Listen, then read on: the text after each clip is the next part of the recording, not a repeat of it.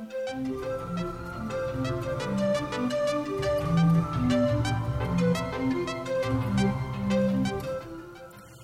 siger velkommen til Københavns Nærradio til Klimaprogram.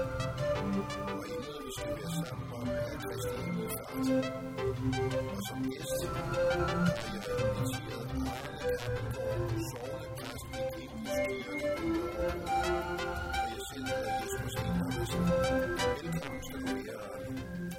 for det.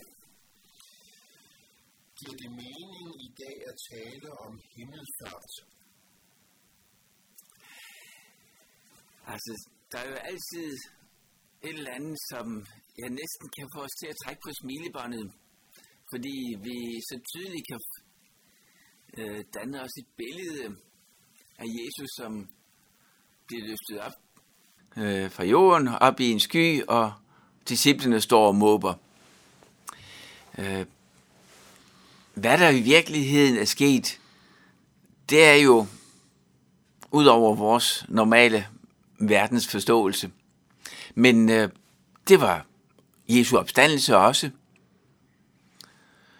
Så når Jesu opstandelse, den er virkelig, så er det andet bare en naturlig følge. Jeg har jo sådan lidt, lidt kritiske myt, og jeg, jeg står jo og tænker på, at hvis man bliver løftet op mod himlen, jo længere man kommer op, jo tyndere bliver ilten, og jo sværere er det at trække vejret. Og hvis man kommer helt op i himlen, så er der ingen ilt, og der er hunde og hamrende koldt. Der kan man ikke være med vores natur. Men efter Jesu opstandelse, der ser vi jo gang på gang, at han skifter mellem at have noget, som ligner vores natur. Han spiser sammen med disciplene og øh, steger fisk til dem. Og så pludselig er han i en anden tilstand, som øh, virker mere som ren ånd. Hvad det er, der øh, sker der, det ved vi ikke.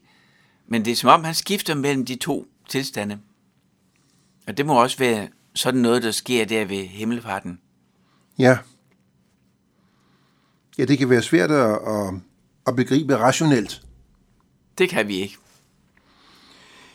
Vi har planlagt, at vi skulle læse en tekst fra Markus evangeliet kapitel 16, vers 14-20. Og øh, hvis du vil læse den, Arne. Ja, det er jo en af de beretninger, vi har om Jesu øh, himmelfart. Jesus sagde til disciplene, Gå ud i alverden og prædik evangeliet for hele skabningen. Den, der tror, bliver døbt, skal frelses, men den, der ikke tror, skal dømmes. Og disse tegn skal følge dem, der tror. I mit navn skal de uddrive dæmoner, de skal tale med nye tunger, og de skal tage på slanger med deres hænder. Og drikke de dødbringende gift, skal det ikke skade dem. De skal lægge hænderne på syge, så de bliver raske.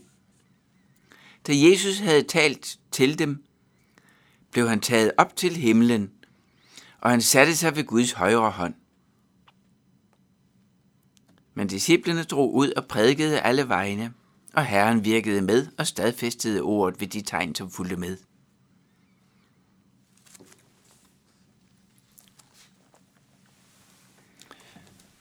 Der er noget, der tyder på, at det er en tilføjelse til Markus evangeliet, at det ikke er med i de ældste, bedste håndskrifter, vi har, men det er hurtigt kommet på, fordi det er jo ligesom, der manglede et eller andet til at afrunde det, som Markus havde skrevet.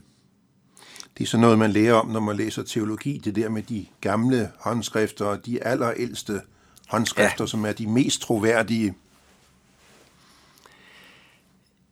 Ja, men øh,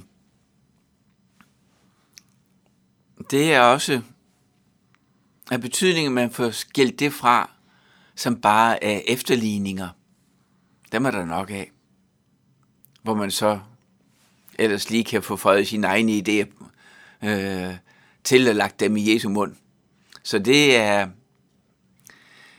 det er vigtigt, og det har allerede været for de første århundreder, at øh, kirkens ledere, de måtte til at øh, kigge grundigt efter, hvad var øh, oprindeligt, og hvad var efterligninger, som lige fik nogle andre idéer ind. Er vi danskere nogle tisselgemytter, når det kniber med at forestille os himmelfarten? Nej, det er jo sådan set meget naturligt, fordi ja, Jesus han øh, bebrejdede sådan set allerede sine venner, at der var nogen af dem, som havde svært ved at tro det. Lige med det samme, selvom de havde så meget større øh, kendskab til ham. Fordi det er jo noget, som går ud over menneskets naturlige erfaring, almindelige erfaring. Det, der sker her. Men øh, vi får lov til at tro, at her møder vi altså noget, som er større end det, vores erfaring har styr på. Du har læst en tekst højt fra det nye testamente, Arne, og den handlede om himmelfarten. Hvilke øvrige belæg findes der for himmelfarten i det nye testamente? Er det omtalt andre steder? Ja, både øh, Matthæus omtaler det, og Lukas omtaler det. Og Lukas, som man regner med også har skrevet Apostlenes Gerninger, han har det igen med i starten af den bog. Johannes evangeliet springer over, men øh, han har det jo med, at han helst fortæller ting, som de andre de ikke har fortalt. Så der er tre forskellige evangelier, som holder fast ved, at det var altså sådan noget, der skete. Så dukker der en lille tanke op i mit sind. Vi har også apostlenes gerninger. Ja, Der er også en beretning om, om øh, Jesu himmelfart der. ja. Og øh, altså, som jeg lige nævnte, det, man regner med, at det er også øh, Lukas, som har skrevet det. Så han får både øh, det med i slutningen af sit evangelium og i begyndelsen af apostlenes gerninger, som er en fortsættelse. Der kan man sige, at apostlenes gerninger, det er nærmest den ældste kirkehistorie, der nogensinde er skrevet. Ja, Det er de allerførste tider med evangeliet, hvordan det bredte sig. ja. Han fortæller om de 30 år cirka efter, at Jesus var faret til himmels. Før himmelfarten, der viser Jesus sig for disciplene. Ja, han viser sig jo mange gange for dem. Øh, morgen og aften, eftermiddag, højlysdag, øh, samtidig for en, samtidig for to, samtidig for flokken af 11 eller 12. Nej, 11. Øh, Judas var der jo ikke mere. Nej, men der blev valgt den 12. I- Men har- først efter. Øh, det var først lidt senere. Undskyld, undskyld. Så om han har været med blandt de 12, da Jesus har vist sig for dem Kristi Himmelfartsdag, jamen, det kan godt være. Men så var der jo også andre rundt om dem. Ja, Og Paulus skriver det en gang, der viste han sig, hvor 500 så det. Hvor jeg mange stadigvæk lever. Så det, at Jesus viste sig for dem, det er så velbevidnet, så øh, jeg synes, det er svært at komme udenom. Og det, jamen en dag var det slut, og vi får tre forklaringer, eller beretninger om, øh, hvordan det sluttede, som ligner hinanden. Altså, at Jesus blev taget væk fra øjnene af dem. Øh, det kunne jo egentlig godt være lidt skræmmende måske for dem at tænke, nu var han død, og alle de her mærkelige oplevelser, og så pludselig er han helt væk, og de står alene. Men, men øh, Jesus tager ikke afsked med dem på den måde for at skræmme dem, men netop for at give dem frimodighed i det, han overlader det videre til dem. Han gav dem missionsbefalingen. Gå ud i alverden og prædike evangeliet for hele skabningen. Det var en fantastisk opgave at få øh, for 12 mennesker fra provinsen. Men det er jo mærkeligt at se, at det er faktisk det, der så kommer til at ske.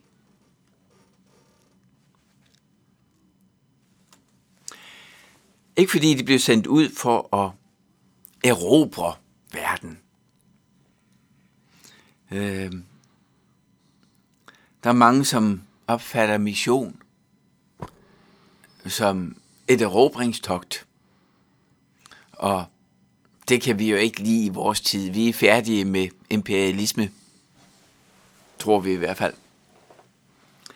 Øhm, men Jesus, han sendte dem ikke ud for at erobre verden, men for at skaffe mennesker fred med Gud. Hmm. De andre en del i friheden ved at være en tilgivet sønder. Lad andre få muligheden for evigt liv i Gud. Det var det, de havde fået. Det var det, de skulle give videre. Det er der frihed i, og det er der frimodighed i.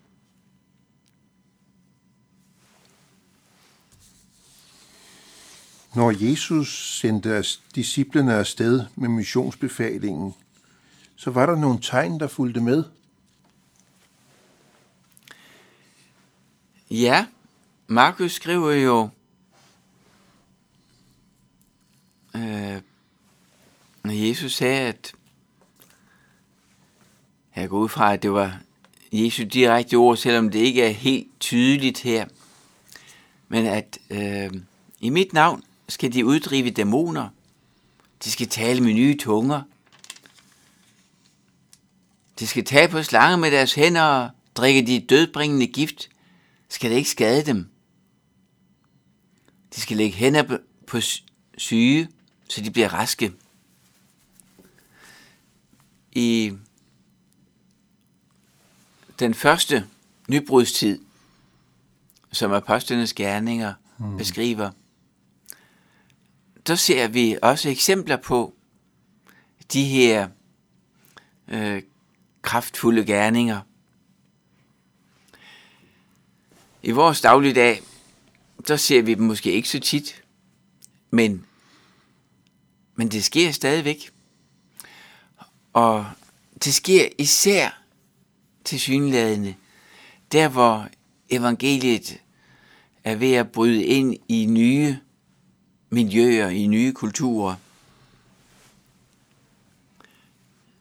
I dag hører vi meget om det, øh, ikke mindst med syner og drømme og sådan noget, blandt muslimer, som kommer til tro på Kristus. For nogle år siden var jeg i Etiopien på besøg, og der var vi også ude i et område, hvor øh, næsten alle havde været muslimer. Men de seneste få år, der var der altså blevet hundredvis af kristne. Vi kom til at snakke med en af de evangelister, som arbejdede der. Han hed Kamal Mushamed.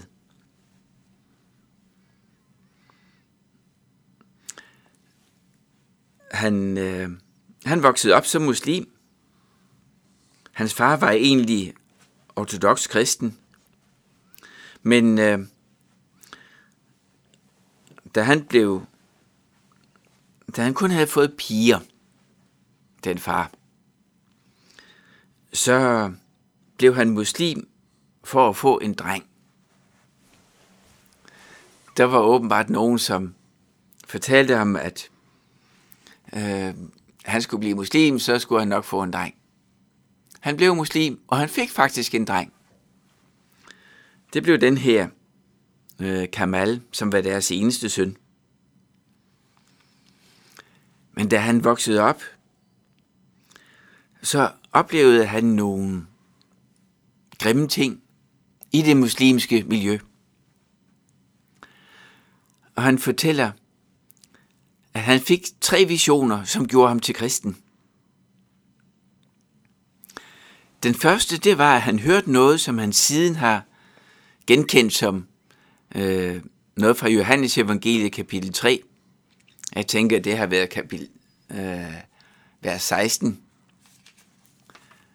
Således elskede Gud verden, at han øh, gav sin enborne søn, for at vi ikke skal gå fortabt, men blive frelst. Samtidig hørte han en, arab, en amharisk kristen sang. Han sang den for os. Efter den vision, han fik som ja, halvstor dreng, så løb han bestyrtet ind til sin far og fortalte ham, at han havde fået en vision, som ville gøre ham til frafalden til kristen. Faren blev vred.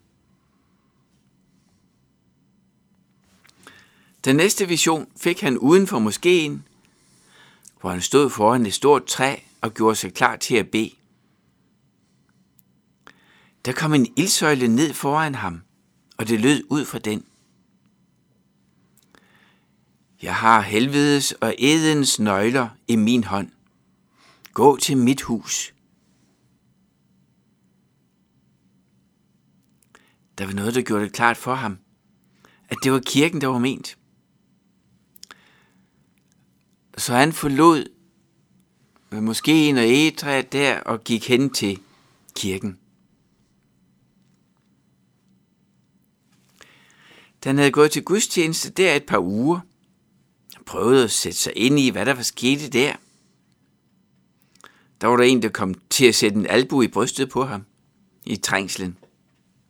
Kamal blev sur og løb fra kirken tilbage mod moskeen.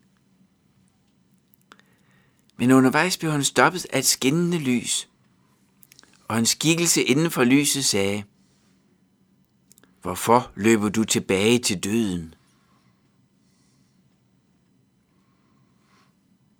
Det stansede ham. Han vendte tilbage til kirken og blev kristen.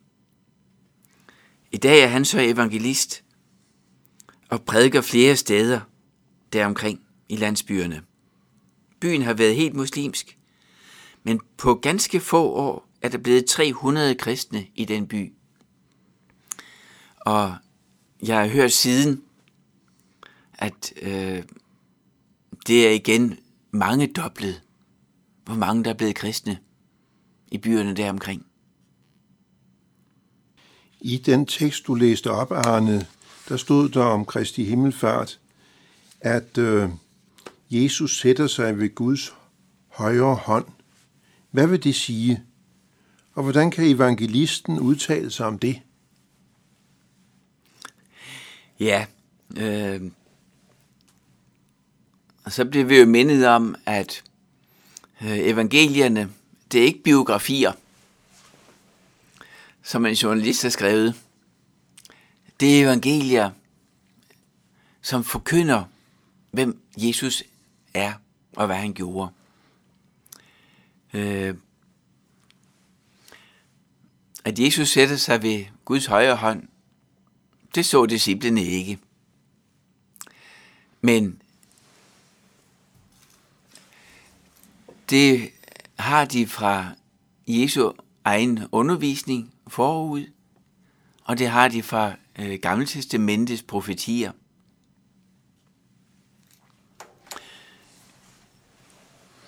At han sidder ved Guds højre hånd, mm. det betyder jo, at han har del i Guds magt over himmel og jord. Den almægtige Gud, som styrer himlen, eller styrer historiens gang. Øh, der får vi lov til at vide, at han har overladt det legitime herredømme over himmel og jord til Kristus.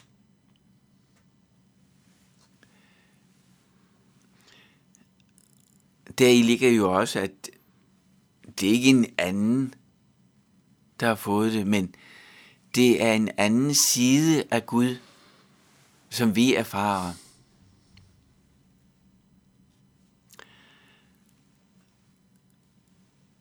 Det betyder ikke, at alt går på jorden, sådan som Jesus ville have det. Det onde er der stadigvæk. Men altså, selv den bedste konge er ikke ene om at bestemme, hvad der sker i hans land. Øh, der er mange andre viljer, og vi har vores egne viljer, øh, som også blander sig og slet ikke altid for det gode. Men Kristus er den eneste legitime hersker over hele jorden, og en dag skal alt underlægges ham. Det er godt at holde fast, når man synes, at onde kræfter har taget al magten. Så meget for hans kongeherredømme. Jeg bemærkede mig, at øh, du kom med nogle gode formuleringer, da vi sad og forberedte det her program. Kristus er over os. Ja. Som konge, der er Kristus over os. Men Jesus, altså, Kristus, den opstandende Herre, er også skildret som vores ypperste præst. Som den, der i det himmelske tempel for Guds ansigt går i forbøn for os, bragte sit offer for os. Og det er han som ypperste præst bringer det store offer en gang for alle, der renser os for alle vores synder. Der kan man sige, det er Kristus for os.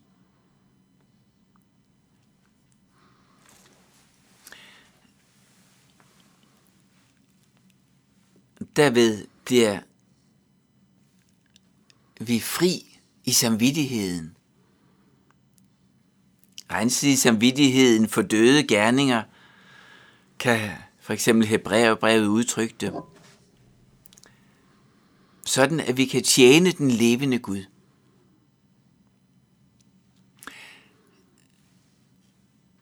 Det at vide, at Kristus som vores ypperste præst har bragt alle de ofre, der skal til for at rense vores samvittighed. Det gør, at vi kan frimodigt leve som kristne. Du sagde også, at Kristus var ved siden af os. Ja, i Romerbrevet kapitel 8, der har vi et udtryk, hvor Paulus siger, at hans Kristus sidder ved Guds højre hånd og går i forbøn for os.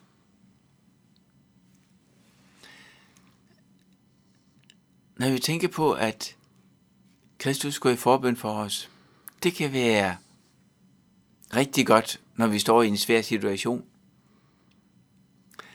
Samtidig kan vi have en fornemmelse af, at vi skal råbe rigtig højt for, at Gud hører, hvad det er, vi har brug for.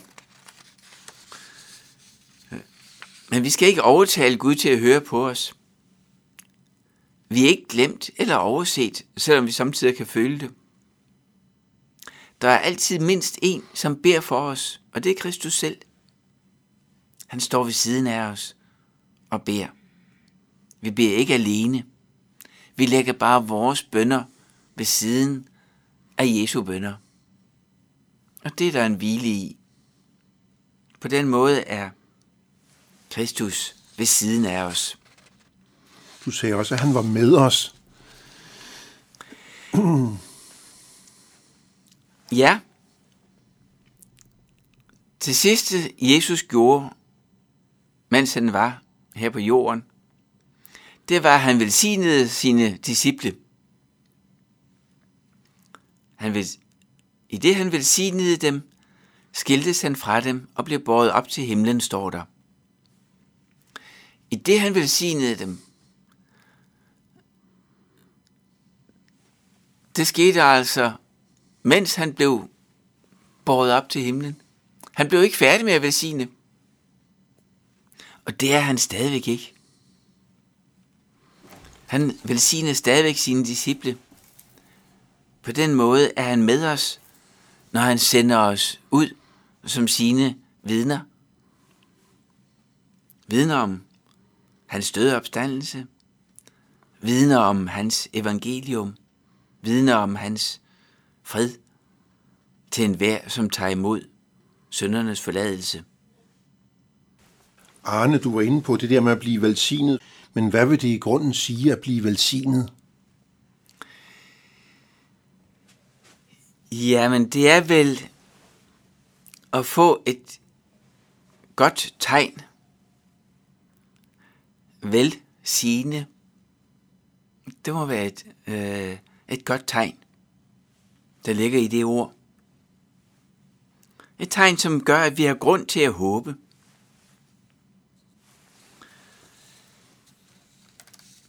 Når vi får en velsignelse, så giver det tro på, at det nytter at forvente det gode. Det giver energi til at kæmpe og holde ud, hvad der bliver svært. En tro på, at man er på ret vej. Derfor er der en kraft i velsignelsen. Mm. Og som altid, så er det ikke kun vigtigt, hvad der siges. Det er endnu vigtigere, hvem der siger det. Det er vigtigt, hvem der velsigner os. Derfor er det normalt den større, som velsigner den mindre. En far velsigner sin søn. Gud velsigner os. Og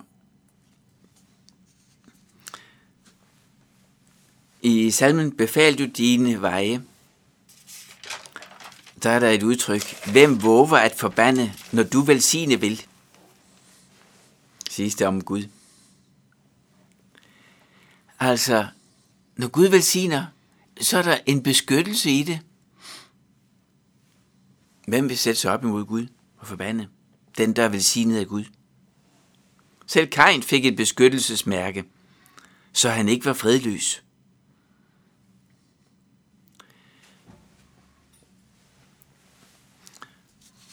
Mange børn har siden kæmpet for at få deres forældres velsignelse, uanset at de gik andre veje, end forældrene havde ønsket.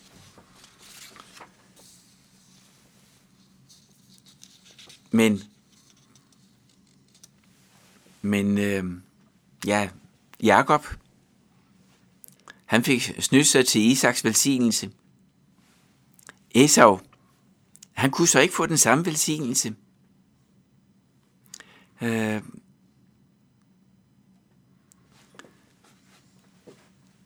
det kan gøre ondt, hvis man, der er en situation, hvor man må holde sin velsignelse tilbage.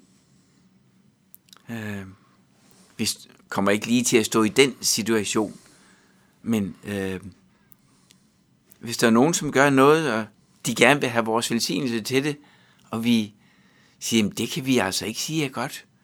Øh, det kan vi ikke give vores velsignelse. Det gør jo ondt.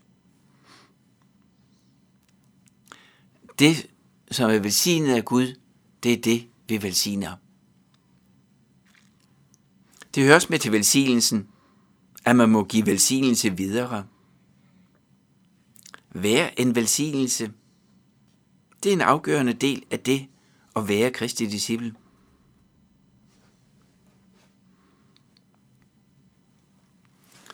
Nu taler vi om Kristi himmelfart. Hvad vil det sige at blive en himmelsindet kristen?